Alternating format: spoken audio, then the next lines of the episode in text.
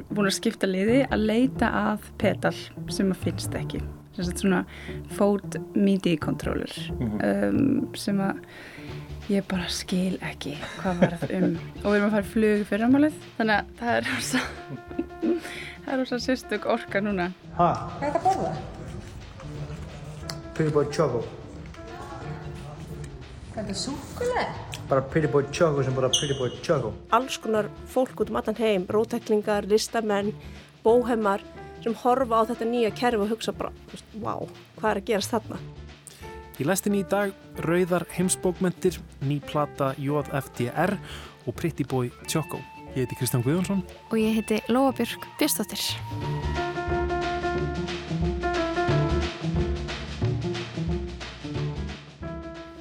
Popstjarnan Pretty Boy Choco sendi frá sér smáskifuna PPT á dögunum og á fjögur efstu lögin á íslenska topplistanum á Spotify. En hver er þessi fáklæta tanaða popstjarna sem hefur náð svona miklum vinsældum á skömmum tíma? Spurning sem að margir spyrja sig þessa dagana. Við ætlum líka að heyra um rauðar heimsbókmentir eh, í lestinni í dag. Á fyrirluta síðustu aldar gerðu sósialistar meðvitaða tilraun til að skapa nýja heimsbókmentahefð, nýja kanonu fjarrri evrósku höfuborgunum. Þessar rauðu heimsbókmentir verða til umfjöllunar á alþjóðlegu málþingi í Háskóla Íslands setna í vikunni.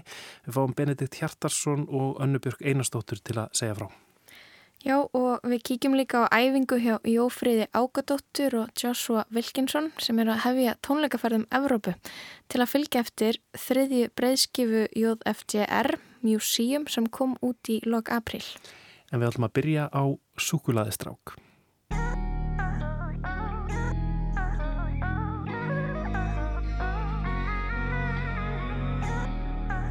Orðið Choco hefur leiðið í dvala um nokkurt skeið. Þetta er nafnor sem lýsir ákveðinu típu karlmanns eða drengs sem hugsar vel eða að minnstakosti mikið um eigið útlitt. Hann er solbrún, það er aðal atriðið. Hvort sem það er brunkukrem eða ljósabækja tann þá er Chocoinn súkulæði brún, Choco, chocolate, súkulæði, orðsifjar.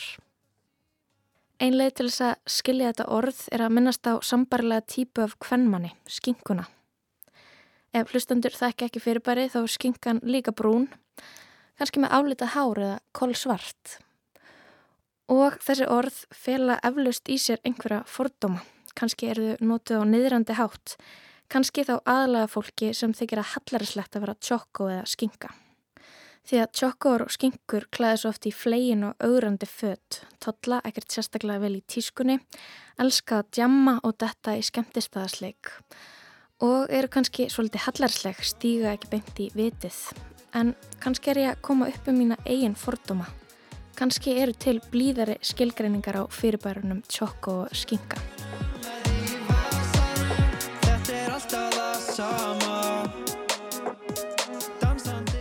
En orðið tjokko hefur leið í dvala um nokkurt skeið, kannski vegna þess að típan tjokko hefur leið í dvala um nokkurt skeið. Frægir tjokkoar eru smánaði fegurðarprinsinn DJ Óligeir sem var sviftur titlinum Herra Ísland, Gilseneggar að sjálfsögðu, Ásker Kolbensson, Kolbarinn og auðvitað tískuþrællin Gummi Kíró. Og sá nýjasti og mest ábyrgandi í dag er hann Pretty Boy Choco. Hérna, hver er, hver er Patrik?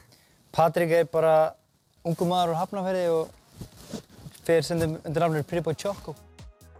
Það er Patrik Snær Allarsson, tónlistamæður sem gengur undir þessu listamannsnafni Pretty Boy, Fagur, Drengur og Choco í tveimur merkingum. Hann er solbrún en líka erfingi súkulæði verksmiði.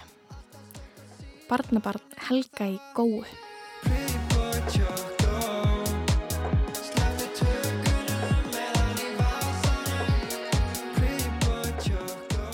Hann byrjaði að vekja aðtegli á sér á TikTok eins og allir snjallir tónlistamenn gera í dag. En það er miðlinn það sem allir eru og þar kynnist unga fólki nýri tónlist. Það var bara ég var náttúrulega búin að auðvitað vel, var í nektarmyndatökum og alls konar aðeins til að fá vekja aðtikli, komast út úr kassanum. Auðvitað varstu, Þetta varstu í Og var nektarmyndatökum. í funky fötum eins og ég er núna og Þetta eru fólk, geggjur föt. fólk fór bara, ég var bara mikill í talan á fólki, Já. eins og fólk elskar. Patrik er fættur árið 1994, hann er mökk, tanaður í góðu formi og kann best við sig ber að ofan. Ég held að þetta sé um það bil svalasta fólkið af uh, ungu kynnslóðinni og lag sem heitir Pretty Boy Choco er að gera allt vittlaust hjá þeim sem yngri eru. Ég þurfti að vísa að googla þetta sjálfur. Ha, Hvað er það að borða? Pretty Boy Choco. Hvað er það súkulega? Bara Pretty Boy Choco sem bara Pretty Boy Choco. Afa strákurinn færi gerir enga tilrönd til þess að fela uppruna sinn, láta líta út fyrir að hann hafi komist áfram af eigin ramleik. Hann byrjaði að búa til súkulaði í súkulaðiverksmiðinni sem heitir Pretty Boy Choco og fór svo í snjalla herrferð. Gaf að þér verðist hálfu Íslandi lítið súkulaðistikki. Fólkið setti súkulaðistikki svo á samfélagsmiðla og auglisti hann og súkulaðistikkið og tónlistina. Og í dag er hægt að kaupa súkulæðstekki út í búð ef þú varst einn af fáum sem fegst það ekki gefins í auðlýsingaherferðinni. Súkulæði tónlistamann sem er nýbúin að gefa út sína fyrstu plötu, smáskífuna PBT, skamstöfun fyrir Pretty Boy Choco, plötu sem kom út 5. mæ.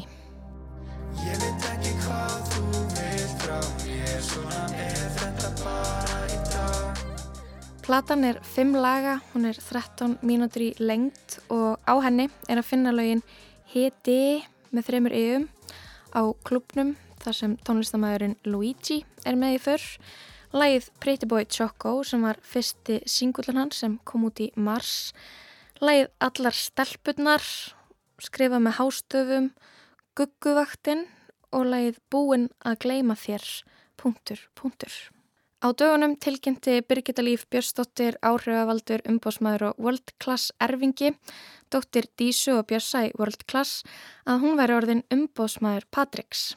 Samningurinn var innsiklaður með myndbandi þar sem Helgi í góu og Patrik fara á fund Birgitta og Björnsæ World Class. Þar sem ættföðnir fara yfir málinn og veita þessu samstarfi afkomenda sinna blessun sína. Tónlist og viðskipti renna saman í eitt, feðraveldið, fjölskyldu, feðurnir, leggja blessun sína yfir samstarf sem kemur fyrirtækjanu þeirra vel. Góa og World Class, Súkulæði og KFC, Helgi í Gói á auðvitað KFC á Íslandi og World Class stærsta líkamsræktarstöð á Íslandi. Og Chocoin gerir lög fyrir jammið og tónlistamindböndin eru tekin upp í World Class og allir borða Pretty Boy Choco súkulæðið og þetta eru allt auðlýsingar og við klöppum með og allt er svo mikil stemming og fata af kjúklingavangjum og hlaupabrettin í laugum og við erum öll tönuð og rík og sætt og ber að ofan.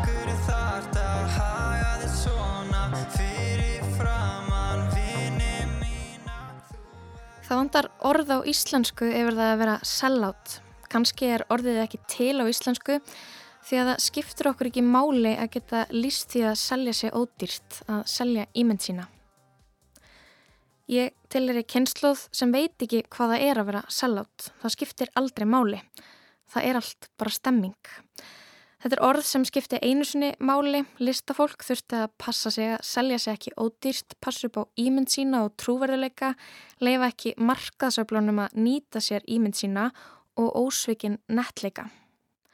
Listafólk hefur það sem auðlýsingastofur og fyrirtæki skortir, sögur, personuleika, frumleika, trúveruleika og mennsku.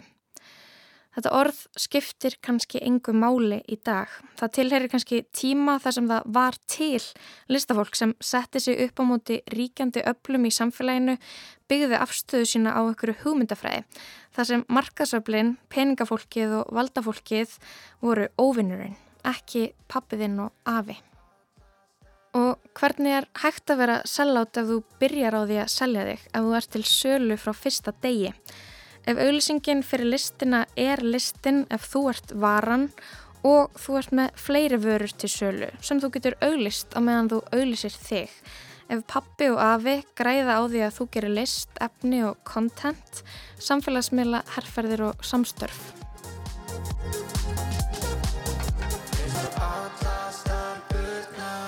Það er maður að nafni Ingimar Tryggvi Bjarnason sem gerir þessa tónlist á samt Breitibói. Og laugin þeirra sitja í efstu fjórum sætunum á Top Iceland spilunarlistanum á Spotify sem er listi yfir mest stremdu tónlistina á Spotify á Íslandi í dag. Pretty Boy Choco er vinsæl á Íslandi.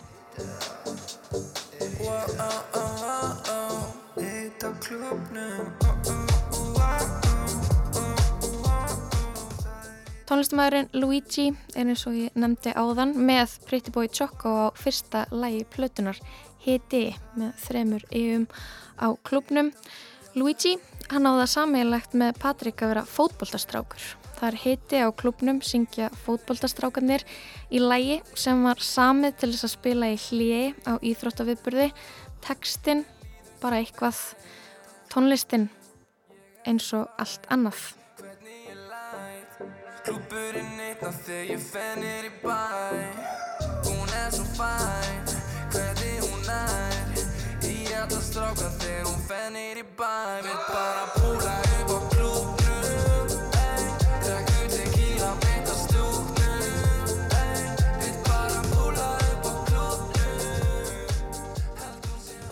Fagri súkulæðistrákurinn veit vel að tjokkoar eiga að vera heitir til að standa undir nafni. Ég renni yfir Instagram síðu súkulæði erfingjans þar er hann búin að byrta augrandi myndir af sér þar sem hann stendur allsber svo að sérst í rassin. Það er mynda honum nögtum í baði, nokkrar af honum með fullnægingasvip, mér til mikils ama. Myndinir af honum berum á ofan hlaupa á tögum. Fagurfræðin er meira í ætt við profíl klámstjörnu en tónlistamanns. Hann er svo yktur, svo órennverulegur og svo kaltæðin að ég myndi skilja af ykkur heldi að hann væri bara grínast. En hann er ekki gjörningalistamæður, hann er ekki að reyna að segja ykkur neitt um samfélagið, hann er ekki að grínast þó hann grínist. Hann er bara réttur erfingi á réttum tíma að gera tónlist og fylla meðlana af auglýsingum og nekt og súkulæði og jamtónlist. Æja, Patrik, komdu hérna, fáðu sæti við hlýðin á Berglindi. Maður getur ekki gefið út lag hans að lag heiti eftir manni, sko. Pretty Boy Choco, súkulega hérna. Ok. Allan nema sveppa. Jú, ég Nei, ég ræsi, ég ræsi, ég ætla ekki borða þetta, ég ætla Ég er að að gera tjúkja. þetta. Þetta er geggjað. Ekki er að trubla mig ert Choco, sko. Þú ert Choco, ekki miskilum, þú ert Takk. Patrik, þetta er...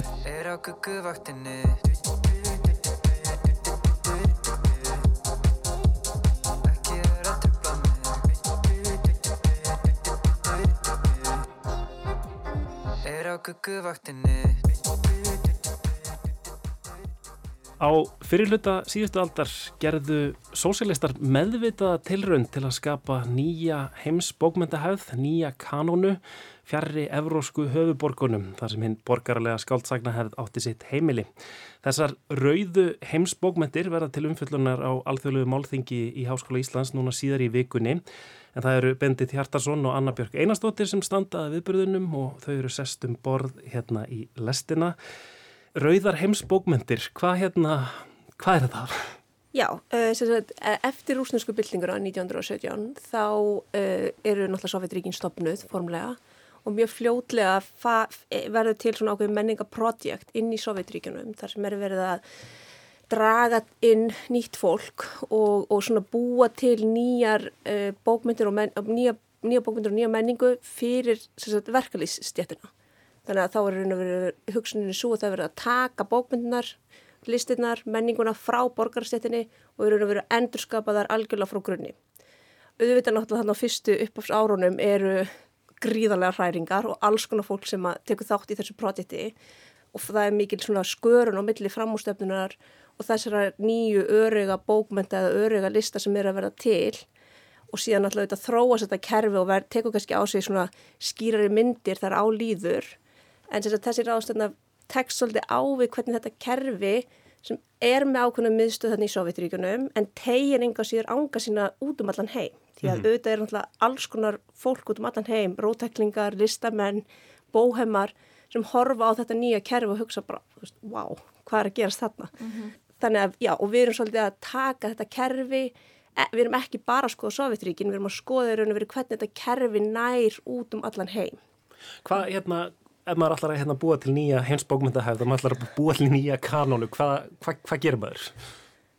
Það er uh, náttúrulega flókið, verkefni það er náttúrulega fyrsta lagi að finna, finna höfundana og, og likil höfundarnir og uh, svo komum þetta þýðingar inn í þetta líka bæði yfir á rúsnesku og síðan yfir önnur mál og uh, eitt af því sem er gert er auðvitað, það er mikil útgafa af alls konar textum um hinnan í heimsbókmyndir til að skilgreina þær og, og, og, draga útlinutnar á því. Eitt af því sem er líka gert er að það er farið í útgafu á uh, reitröðum þessara nýju heimsbókmynda og nokkra sem verða mjög áhrifaríkar þar og ég hafði forlög eins og í Sovjetríkinum sem að uh, sérhæfa sig í útgáfa þessum nýju rauðu heimsbókmyndum og þessar reytraðir náðu talsverðri útbreyðslu. Það er til að mynda einn aðal reytruðin er Universum Bücheræ fyrir allir sem hann gefið út í Þýskalandi.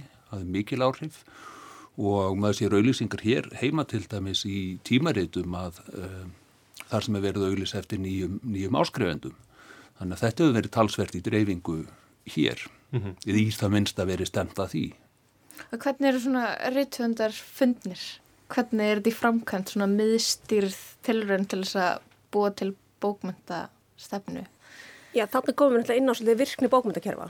Þau eru náttúrulega sjálfnast miðstýrð þetta er ákveðin svona miðpunktur kerfisins í Moskvu, höfundarnir til dæmis sem eru kannski í Argentínu eða Peru eða Bandaríkjunum, þú veist, þeir horfa þanga, þeim langar að fara til Moskvu en þeir kannski komast ekki, þeir, þeir hafa ekki peningana eða fjármagnir til að fara þangað, þannig að þeir tala mjög mikið um það, hvað sé að gerast þarna í, í Sovjetiríkjunum en þeir hafa kannski ofta því um ekkert endilega beint tengsl. Þannig að það verða til svona litlir heimar og það er svolítið á, áhugavert og svolítið gaglegt hugtak sem kemur frá einum af gestafyrirlausurum okkar sem verður á ráðstöðinni, Kristóf Sjáp, sem að tala svolítið um þennan svona proletarian world eða örega heimar og hvernig síðan þessir heimar tengjast innbyrðis.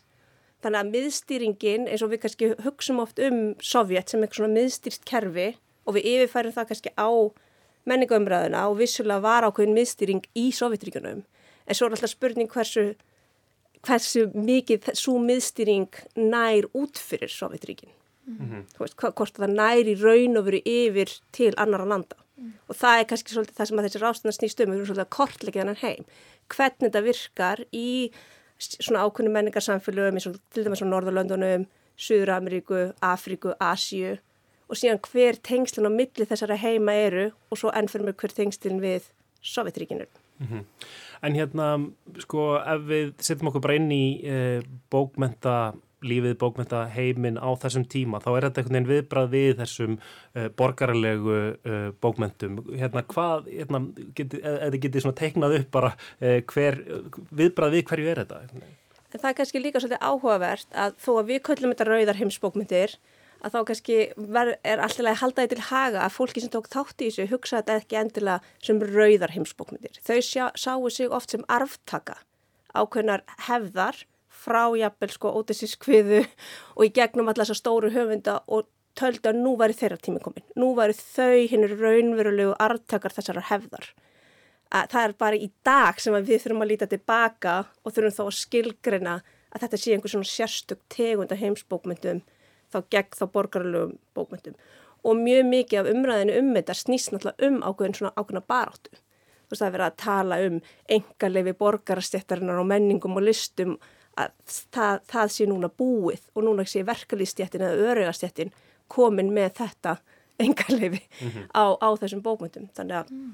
það er svona alltaf læg kannski að hafa það svona til hlýsjónar. Og þetta verður þetta líka ákveðin átök um í rauninni eh, svona þessa bókmyndir og hvernig eru þær skilgreindar og uh, bæði eins og Anna Björg var að nefna þetta með sko miðstýringin frá Moskvu hvernig nær hún til, til annara menningarsvæða og, og, og landa og hvernig það brúðist við þar en það er líka uh, á tímabilinu framan af eftir uh, rúsnesku byltinguna þá er uh, mikið um átök um, um í rauninni hvaða línu eigi að marka á alveg út þriðja áratvín í rauninni. Síðan 32 förum við að fá uh, svona fyrstu hugmyndirnar um og skilgrinningarnar á, á sósialrealismanum uh, síðan þingið uh, 34 þar sem að það verður þessi ofinbera stefna þar sem að við fyrir kannski að fá aðra tegund af, af miðstyringu en auðvitað er unnið úr því og brugðist við því líka á mjög ólíkan Mhm. Hátt og, og átökin við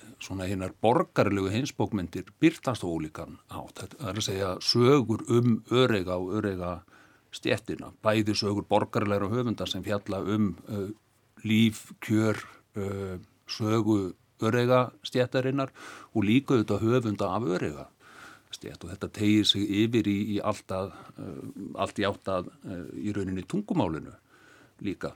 Þetta, þetta borgarlega tungumál skálskaparins og, og bókmyndana Mhm. uh, hverfa aftur til og í rauninni tengist inn á uh, bara þetta ferli á 19. öldinni þegar að þjóðtungurnar er að festa sig í sessi sem, sem tungumál uh, fagurbókmyndana hverfa aftur í mállískur hverstagsmál og, og tungumál alþýðunar og svo framvegst þannig að það er mjög margt sem kemur þarna, þarna inn Ég er svona forvitin að vita sko uh, bækur uh, sem voru skrifaðar á svona tíma inn í þessa hefð. Uh, er þetta bækur sem að ná líka, þú veist, uh, út fyrir Sovjetríkin, fá viðkenningu annar staðar, verða komast inn í kanónuna? Já, algjörlega. Og það er einmitt eitt af því sem er svo áhugavert að mikið af þessum höfundum sem voru kannski svolítið yngrónir í þessa hefð, þeir urðu síðan á eftirstýrisárunum uh, mjög stórir í svona kanónum þjóðabókmynda og jafnvel í, yfir í heimsbókmyndir. Og þetta dæmi til dæmis sem að við oft hugsaum um eins og Haldur Lagsnes sem fær Stalin-velurinn og fær svo Nobels-velurinn og það er kannski svona ákveði hugsun, veist, í, í íslensku, hérna, í, hérna á Íslandi um að þetta sé svolítið sértækt, en þetta er í raun og vera alls ekki sértækt, þetta er mjög algengt að höfundar sem höfðu verið innvinglaðir í þetta kannski á þriðja, fjórða áratugnum, þeir færast og þeir eru sko teknir tilbaka á einhverju leiti og það er prósess sem getur verið mjög flókin og inniheldur náttúrulega oft þá bara rittstjóra höfundarna sjálfa og bara svona þetta pólitíska landslag sem, að, sem, sem fylgir þessu. Þannig að þetta er mjög áhugavert rannsóknarsvið. Og kannski við Benedikt erum náttúrulega svolítið, erum á milli, í millistris árunum en e, mjög mikið af þeim sem eru að koma á ráðstöndunum okkar er til dæmis að skoða kaldastriðið sem er annað svona rannsóknarsvið innan þessara fræ, fræða sem er í mikill í grósku og er alveg virkilega áhugavert vegna þess að akkurat í dag erum við komið með kannski meiri fjarlagð á kaldastriðið og það er búið að opna upp svo mikið af arkifum. Þannig að það er svo mikið af efni núna sem er, sem er hérna aðgengilegt fyrir fræðimenn til að skoða sem hefur ekki verið aðgengilegt hinga til og það er að koma í ljósu þetta leinithjónustöndar eru með gríðalegt magn af upplýsingum um höfunda sem þeir fylgdust með, voru, voru með undir miklu eftirliti og svo er kannski hinn, hinn endin á þessari umræði sem tengist sko fjármagninu því að bæði stórveldin voru að setja mikla fjármunni í að hérna, að, þú veist, í menningar lífið, bæða halda ráðstöfnur, bókmyndaháttir, kvikmyndaðiðnaðin. Þannig að þetta er alveg virkilega svona áhugavert fræðisvið akkurat núna. Þýðingastyrkir og, og fleira sem kemur þannig inn. já. Einmitt, þannig erum við einhvern veginn algjörlega á þessum mótum hérna, stjórnmála og menningar sem eru náttúrulega oft svo ótrúlega og okkur finnst líklega það aðtiklisverðast í, í samfélagir einhvern veginn. Um, en ég er að velta fyrir mig sko hugmynd okkar um uh, menningu í, Sovjetríkjónum og kannski sem að Sovjetríkin stuðla að. Annabjörg, þú talaði ráðan um að þannig, á fyrstu árum Sovjetríkjana þá er þarna, þessi svona gróska þar sem að framúrstefnan og, og, og hérna, verkalýsbókmentir uh, verkalýslistir fara, fara saman. En svo svona það sem að þekkir eru þetta þessi rosamikla rittskoðun, rittstýring miðstýring á menningunni uh, félagslegt raunsægi bara allarleið uh, þessar bókmentir sem að spretta upp úr uh, þessum tilraunum uh, til þess að skapa rauðar heimsbókmyndir. Er, er, þetta, hérna, er þetta bara veginn, er þetta allt bara félagslegt raunsægi, hérna, hvað hva er að sjá? Það er alltaf veldur rosalega mikið á það hvort sko. Þetta, þetta er nefnilega alveg gríðalega flókið. Þú Veist, auðvitað eru náttúrulega mjög tilrunarkenda bókmyndir. Sérstaklega náttúrulega þessar sem koma hérna í kringu 1920, 1930. Þa, það er í raun og veru mjög áhugavert þegar þú fer að skoða þetta í, í samiki við þessa stefnu hversu tilrunarkend þetta er og hversu mikið á mörgum einhvers slags realisma og, og framúrstefnu þessar bókmyndir í raun og veru oft til vinna. E, vandamáli kannski er svolítið það að því stefnan innan Sovjetríkina og svo stefnan fyrir utan Sovjetríkin. Þetta er ekki endilega alltaf það sama og ég er náttúrulega ekki sérfræðingur í Sovjetríkunum þannig að ég, það er svona erfiðar fyrir mig að tala um það en auðvitað var náttúrulega mikil stýring þar og þar er til dæmis bara verið að endurskrufa bækur til dæmis.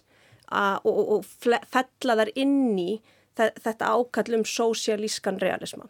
Og þetta er náttúrulega bara svona fræðisveit sem er mjög áhuga, áhugavert og þú veist það er að skoða skrifin svo Katarínu Clark sem hefur skrifað mjög mikið um þetta og það, það er mjög áhugavert að lesa það sem hún, hún hefur um þetta að segja.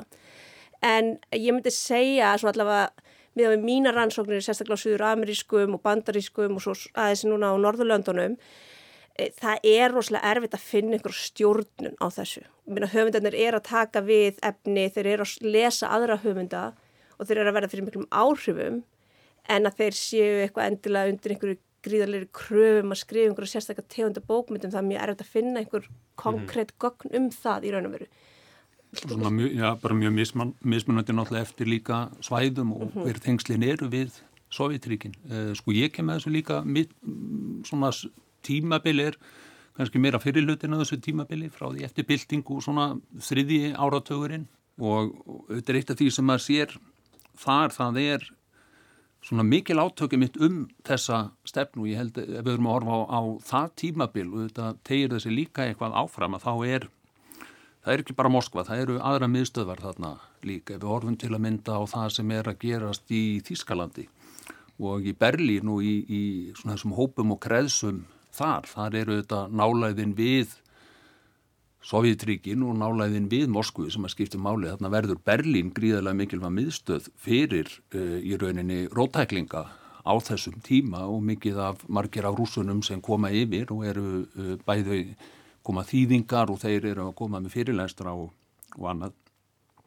og þar sér maður líka uh, í rauninni svona hugmyndum heimsbókmentir í, í mótun, ég nefndi áðan þessa uh, reyturöð sem kemur á, á þriðja áratögnum en það er líka þessu hugmyndum heimsbókmentir þar sem að uh, í rauninni er verið að horfa kannski til svolítið annar höfunda heldur en við myndum tengja við uh, sko rauðar hinsbókmyndir kannski almennt eða sósialrealisma. Þannig verður að byggja upp svona þetta nýja hefðarveldi og horfa hvað eru fyrirmyndirnar, hvað eru stóru höfundarnir. Þá er það ekki bara höfundar eins og Gorki sem verður líkil höfundu fyrir sósialrealisman. Þannig líka verður að horfa til í rauninu meðsölu höfunda á, á þessum tíma. Þetta er Jack London líkil höfundur Bernd Raven sem er mjög uh, vinsall höfundur á þessum tíma, nokkuð glemtur setna svona meira kannski bókmentir í áttað aftreyingar mm. bókmentum, ævintýrasögur sem að uh, snúast um í rauninni einstaklingar sem er að reyfa sig og, og, og lifa í þessum,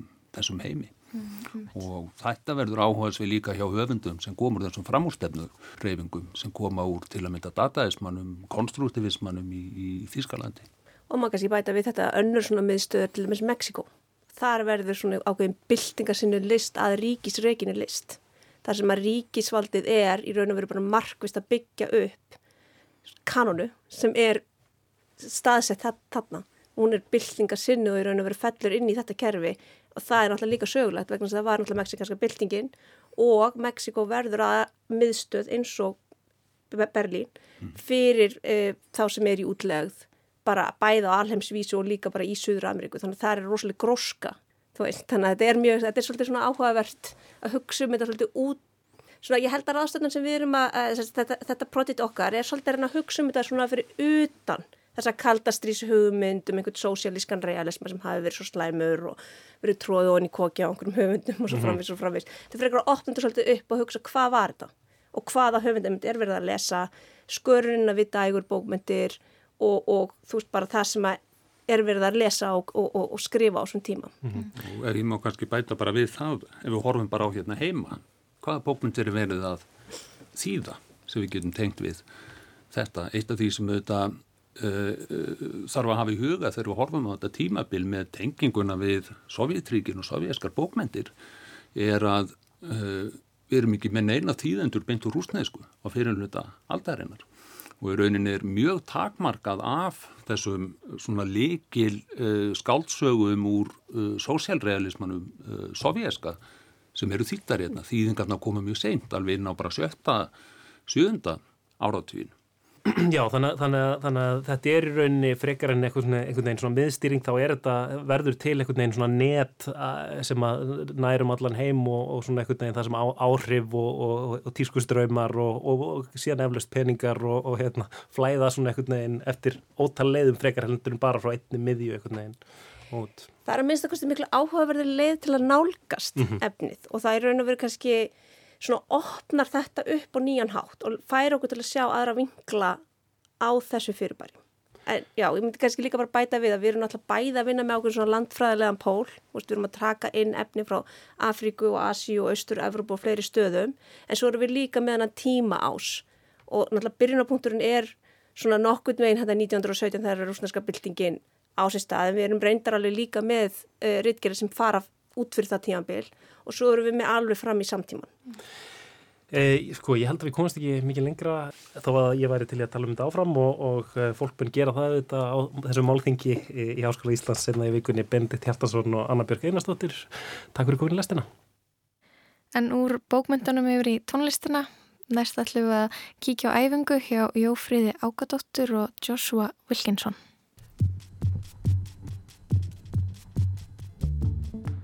Museum, listasafn, nefnist þriðja breyðskifa tónlistakonunnar Jófríðar Ágadóttur, JFDR, sem kom út nú á dögunum hjá breska útgáfafyrirtækinu Houndstooth.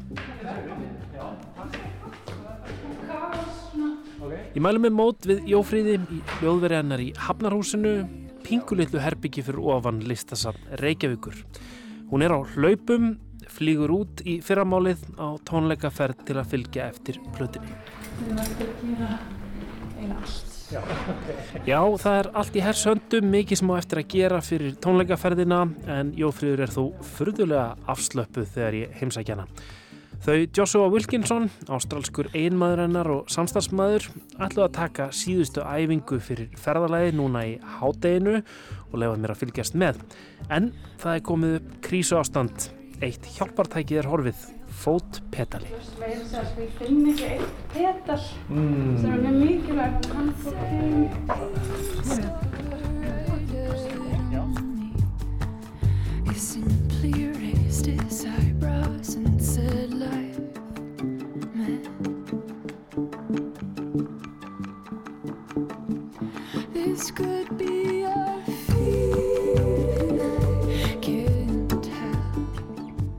Já, það er allt í gangi. Fyrir um daginn byrtist gaggrinni um Museum með UFDR á tónlistafefsíðinni Pitchfork.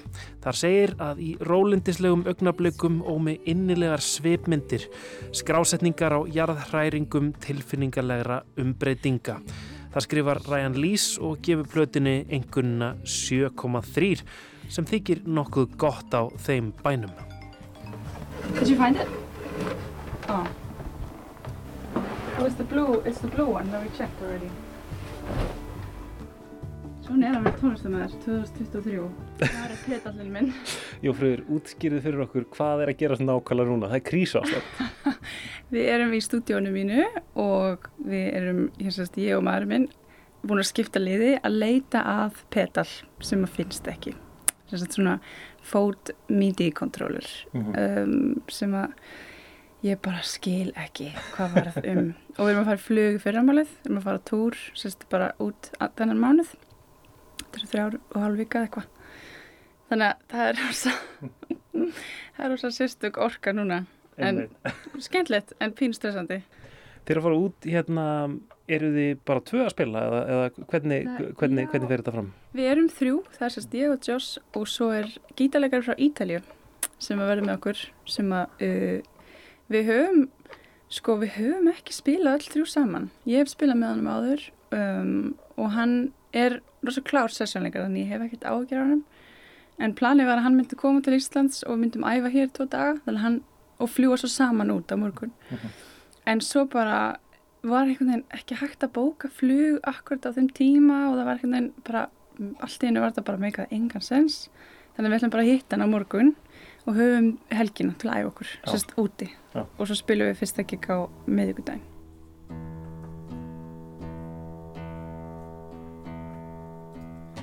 Um, en Jófrýður, hérna, þú varst gefa út plötu, Já. Museum, uh, listasafn. Við erum hérna í stúdíunniðinu sem er eiginlega í listasafni eða ofan listasafni. Já. Er það eitthvað tenging þarna eða hvað?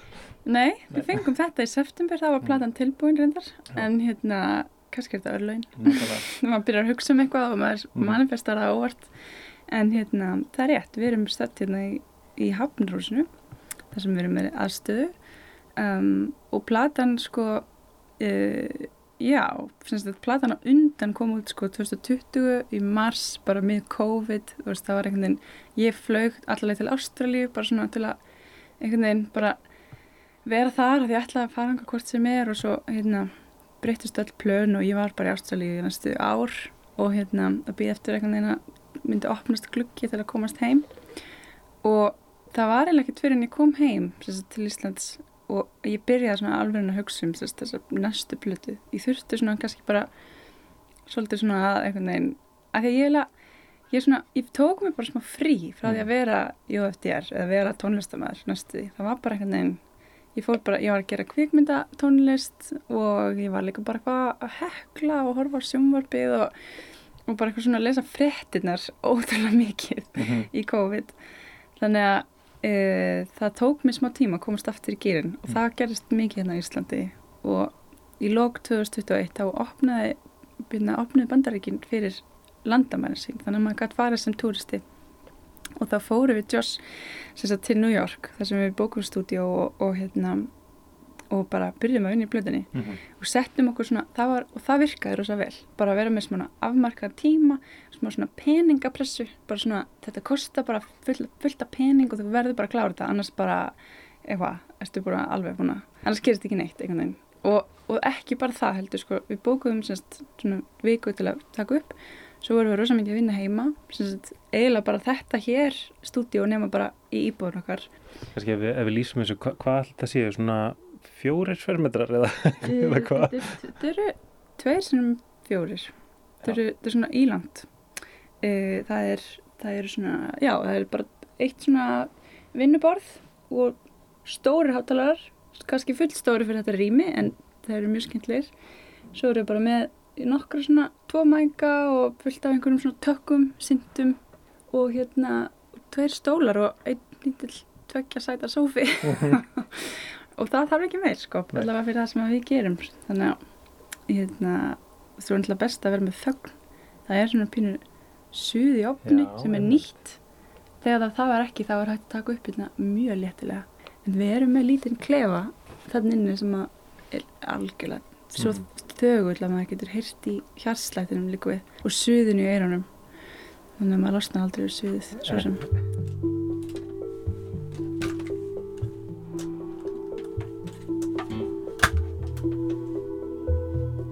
Úps, sorry, má ég svara þessu? Já, já, já. Já, við erum ekki live. Hi. No. Yes, which bag? Blue one, which one? Oh, no way. Oh my god, ok, amazing. Amazing. Mjög góða fréttir. Petallin er fundin. Yes, heyrðu, túrnum bjargað. Já, allavega sko deginum er bjargað. Þið hefði ekki getað bara einhvern veginn sleppt í, þið- þá hefði þurft að sleppa einhverjum ákveðnum hljóðum eða, eða hvað hva, hva, hva, hva hefði þið mist ef þið var ekki með pedal? Þessi petall er þannig að ég, hann er tengdu við tölvuna mína og hann raunir sendir tölvunni svona Mm. skilaboð og segir "Hve- núna hvað gera þessu hérna, hér kemur kannski þessi effekt eða hérna byrja þessi kapli í þessu lægi þannig að það sem hefði gerst og þetta hefur gerst áður, ég hef glemt þessum petal að þá þarf einhver, það er annarkvæmst ég eða einhver annar bara íta takkan, þú veist, með höndunum sem er alltaf lægi en þetta er svona það, er- þetta er svona effekt sko Mhm. svona sviss effekt Einmitt. þannig að við hefðum þurft að núna hefði Joss þurft kannski að læra allar skiptingarnar og fara, þú veist, kannski þetta að vera með svona lítinn miða sem segir í þessu lagi þarfst að íta hér og hér og hér. Og hérna, hann myndi örgulega vera mjög pyrraður ef hann þurft að gera það. En við hefum kannski lista þannig. Já, um mig.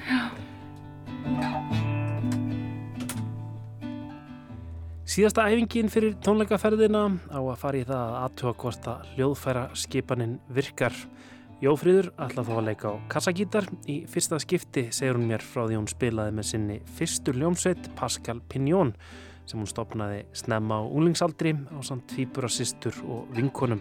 Setna söngur með rafpopsveitinni Samaris og síðan indie supergrúpunni Gangli en þekktust í dag er hún þó sem solo listakona. Fyrsta platan undir nafnu JFDR kom út árið 2017, Brasil. Í mars 2020, í þann mund sem að COVID var að skella á heimsbyðinni, gaf hún svo út New Dreams og nú er þriðja platan Museum komin út. Mér finnst svona saga þessara plötu náttúrulega bara mitt byrjaði þarna í þessu COVID-æventyri. Jáfnveg þó ég hafi ekkert sett niður eitt einasta lag eða einasta staf. Ég prófaði oft og var veginn bara eitthvað, nei, nei, nei, þetta er ekki rétt, þetta er ekki komið að því. Og ég var alltaf að býða eftir eitthvað svona móment eitthvað, hvenar, hvenar kemur innblástur líka við eða hvenar kemur manneskjan sem að mun hjálpa mér að gera þetta eða hvenar kemur einhvern veginn, maður, maður svona í svona verkefnum oft. Ég held að þetta sé ekki bara listum, þetta er bara oft sem að maður er að gera eitthvað og maður er svona maður finnur bara svona mómentið er alveg að fara að koma eða, eða maður er svona að býða eftir einhverju utanakomandi og ég þurfti rosa mikið að svona endur hugsa þetta, svona endur prógramir þetta, bara það er enginn að fara að koma, það er ekkert að fara að gerast, þú verður bara að mæta. Og þetta er rosalega holdt, Mm. rosalega þroskandi, rosalega fullorðins að vera bara með svona plötu sem bara, ég bara mætti í vinnuna, ég bara settist niður og byrjaði bara að vinna. Og einhvern veginn varð til þessi farvegur svona út frá því. Í staðin fyrir að svona farvegurinn opnist fyrst og þá getur maður allt í einu að fara að skapa. Svona, Mhm. byrja bara að mæta. Og svo einhvern veginn smátt og smátt gerist þetta. Mhm. En, en á hvaða slóðum ertu á þessari plötu? Mér finnst svona sko e- ef ég svona allavega segi sko með andrúsloftið, mér finnst svona andrúsloftið vera einhvern veginn svona, mér finnst það vera svona mjög svona íhugulplata, ef Mhm. sko, sko alvarlega er ekki alveg rétt orðið, hún er svona meira einhvern veginn svona, hún er svona veginn ábúðarfull en það er nefn að því að sko ég vil ekki segja alvarlega að því að mér finnst vera svona mikil svona, veginn svona bjartur tón, það er eitthvað svona bjart síni í Mhm. henni, veist, og það eitthvað svona, ef, ef, ef það er svona einhver tilfinning sem ég reyna að lýsa að ég hlusta þessa plötu, þá er það einhvern veginn svona. Mhm. hvað hérna, með hvað ertu að vinna? Hæ, kom inn. Um, The pedal Amazing. Well done Good job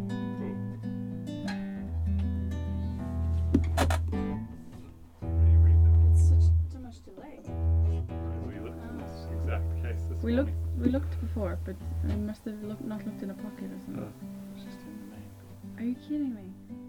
Maður er svona að rífa sjálfum sér svolítið í gang og maður er svona, ég er svona að þú veist, segja bara við sjálfum mig bara ok, nú, hérna, nú gerum við bara eitthvað, prófum eitthvað. Þannig að það er einhver leitið, þú veist, þá var ég ekkert að liggja yfir hlutunum og hérna, var svolítið bara svona, leið og ég finna eitthvað, ok, það meikar einhvern sens, þá bara keira áfram.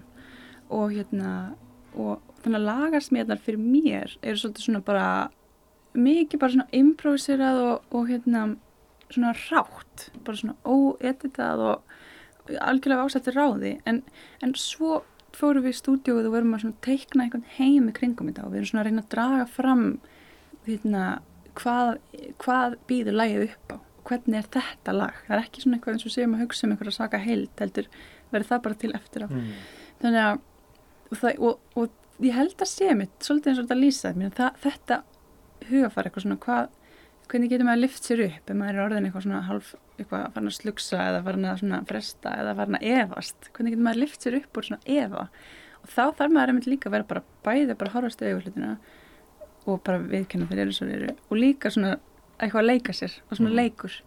Þannig einmitt, það er oft margt sem við erum bara eitthvað við erum að uppkvita, ég meina ég og Joss vorum að uppkvita rosa margt, bara hei þetta samt er geggja og þetta er óslega flott. Og, og vorum svolítið svona, kannski lagasmjarnar svona einhverjar útlínur og svo erum við að lita inn í. Og við erum að þú veist teikna allt svona, allar tekstur og áferðir og allt svoleiðis eftir á. Mhm. mér, finn- mér finnst það rosa mikið leikur í, í því.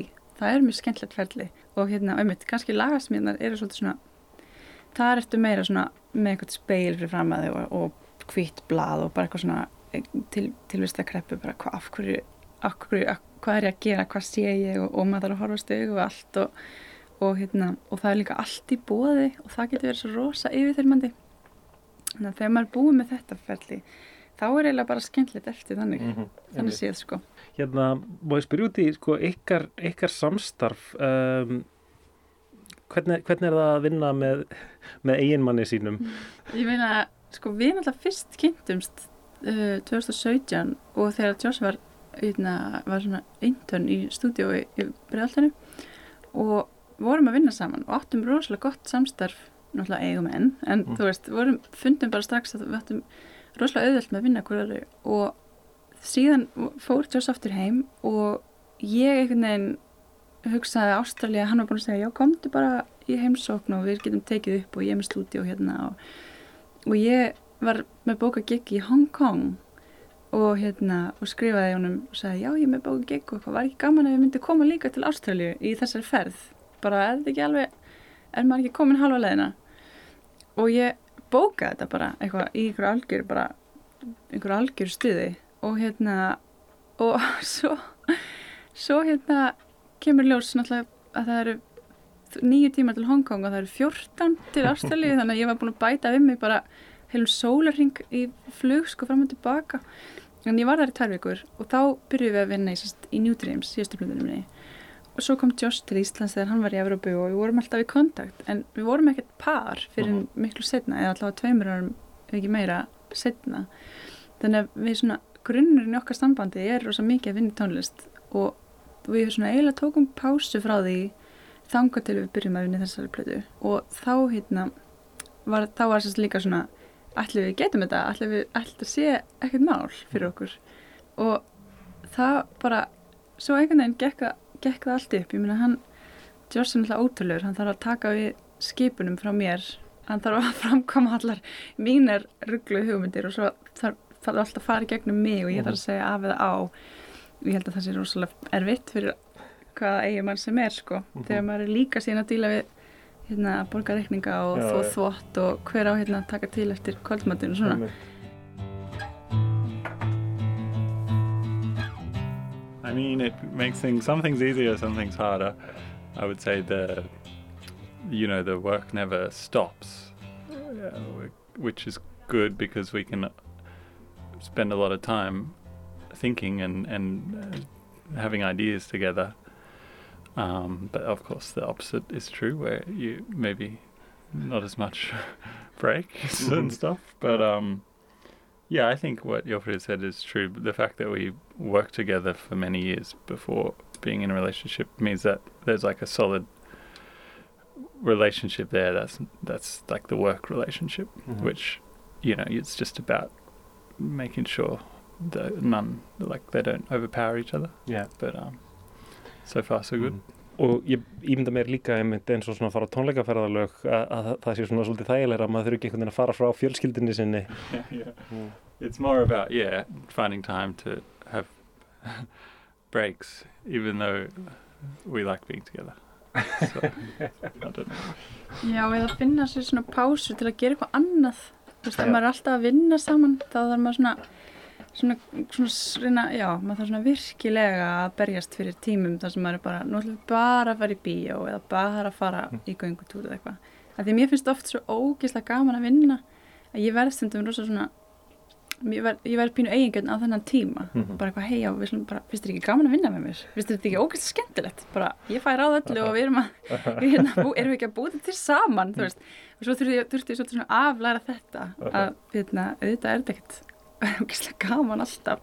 Og maður, maður getur ekkert alltaf eitthvað ætlast þess að honum finnist bara algjör heiður að fá að vinna með mér eitthvað svona manneskjan sem maður sér að hverju degi. Þannig að það er svona margt í þessu sem ég þarf að læra allavega aftur og aftur sko. Sko þegar maður er farin að sjá íslenska listamenn poppa upp einhvern veginn þar sem að maður býst ekki við að, að sjá það poppa upp þá finnst mann eins og að sé eitthvað að gerast og þú veist, núna finnst mér ég að vera svona að sjá nafnið þitt og, og hérna eh, tónlistina einhvern veginn að skjóta upp kollinum svona hér og þar. Einhvern veginn, ég kveiki á Arte appinu í, í sjónvarpinu og þá eru einhvern veginn hérna, tón, live tónleikar uh, núna er Pitchfork svolítið búið að vera hérna, bæ- bæði benda fólki á að hlusta á plötuna þína núna í síðustu viku og svo sá ég að komið dómur í dag Mhm. bara, sem var bara príðis jákvæður hérna, fi- finnst þér eins og svona það sé svona einhver, e- einhver svona me- meiri meiri aðtegli, meiri stemning meiri, hérna, fólk sé að fylgjast meira með, einhvern veginn? Kanski, ég meina uh, það, já, auðvitað eða þú veist, það er náttúrulega eins og þú setur þetta upp, þetta er algjörlega hérna, maður er að fá aðtekli frá svona stórum miðlum sem er bara ótrúlega jákvætt og ekkert sjálfgefið þannig að maður er bara mjög þakklátt fyrir það. En svo er þetta líka, ég meina ég er náttúrulega ekkert með yfir líka heldur hvað hlutindi þýða eða, eða þú veist, kannski eh, náttúrulega, þetta er svo rosalega stórt verkefni að vera að kynna svona plötu og hérna, og vera svona já, alltaf vera einhvern veginn með einhverjar áherslur á öllum vikstöðum mín það er ótrúlega erfitt að vera með og hérna, svona markas áallun og allt þetta og ég er bara mjög heppin að vera með fólk sem hjálpa mér að gera Mhm. þetta. Um, en tilfinningin er bara rosalega jákvæð og ég bara er rauninni bara döð fegin að þetta sé einhvern veginn að hérna, að þetta sé að finna svona stað á, á svona, svona góðum miðlum og, og mitt verður ótrúlega spennandi að sjá hvernig tónleikaferðalagi kemur út. Það getur náttúrulega verið hvernig sem er sko, þá er maður líka rosa mikið að trista og setja sitt í hendurnar á öðru fólki og þannig að það er rosa spennandi. Já, bara kemur ljós, eins og ég segi. Ég er bara, ég er svo líka svo æst að fara að gera bara næstu plötu og fara að gera meira og einhvern veginn gera hana fljótar heldur en það er búið að líða á smá tíma milli og, og mér langar bara, bara, ég veit ekki, bara gera meira Mhm. einhvern veginn. Einmitt. Hérna, þá ætlum ég ekki að stoppa þig mikið lengur. Jófriður og Joss uh, bara gangi ykkur vel. Uh, æfa og gangi ykkur vel á, á tónleikaferðinu og til hamingi með plötuna. Takk kærlega fyrir. Once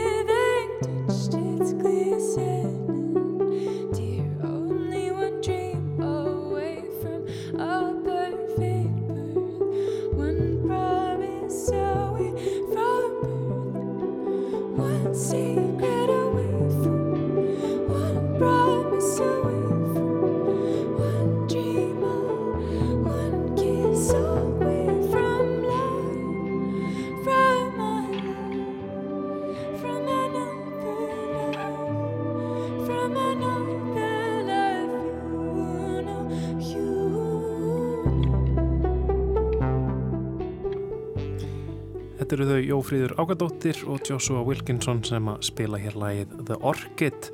Þetta er tekið upp á síðustu æfingu þeirra fyrir tónleikaferðum Evrópu sem að er að hefjast núna í vikunni í hljóðverið þeirra í Hafnarhúsinu. Þetta er sem sagt upphafslægið á nýjustu plötu JFDR Museum sem að kom út í lok april. Já, en þá eru lestin ekki lengri í dag við Kristján og Lóa þökkum samvildina. Tæknumæður var Lítja Gretarsdóttir. Verið sæl.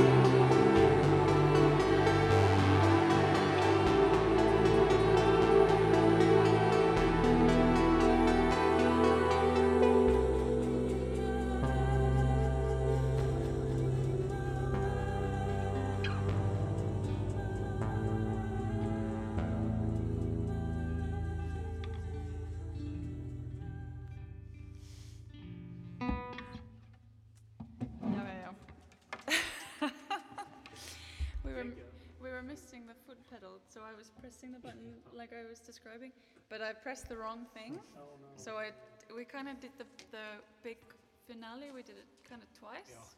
I d you probably noticed. Anyway, it's a rehearsal.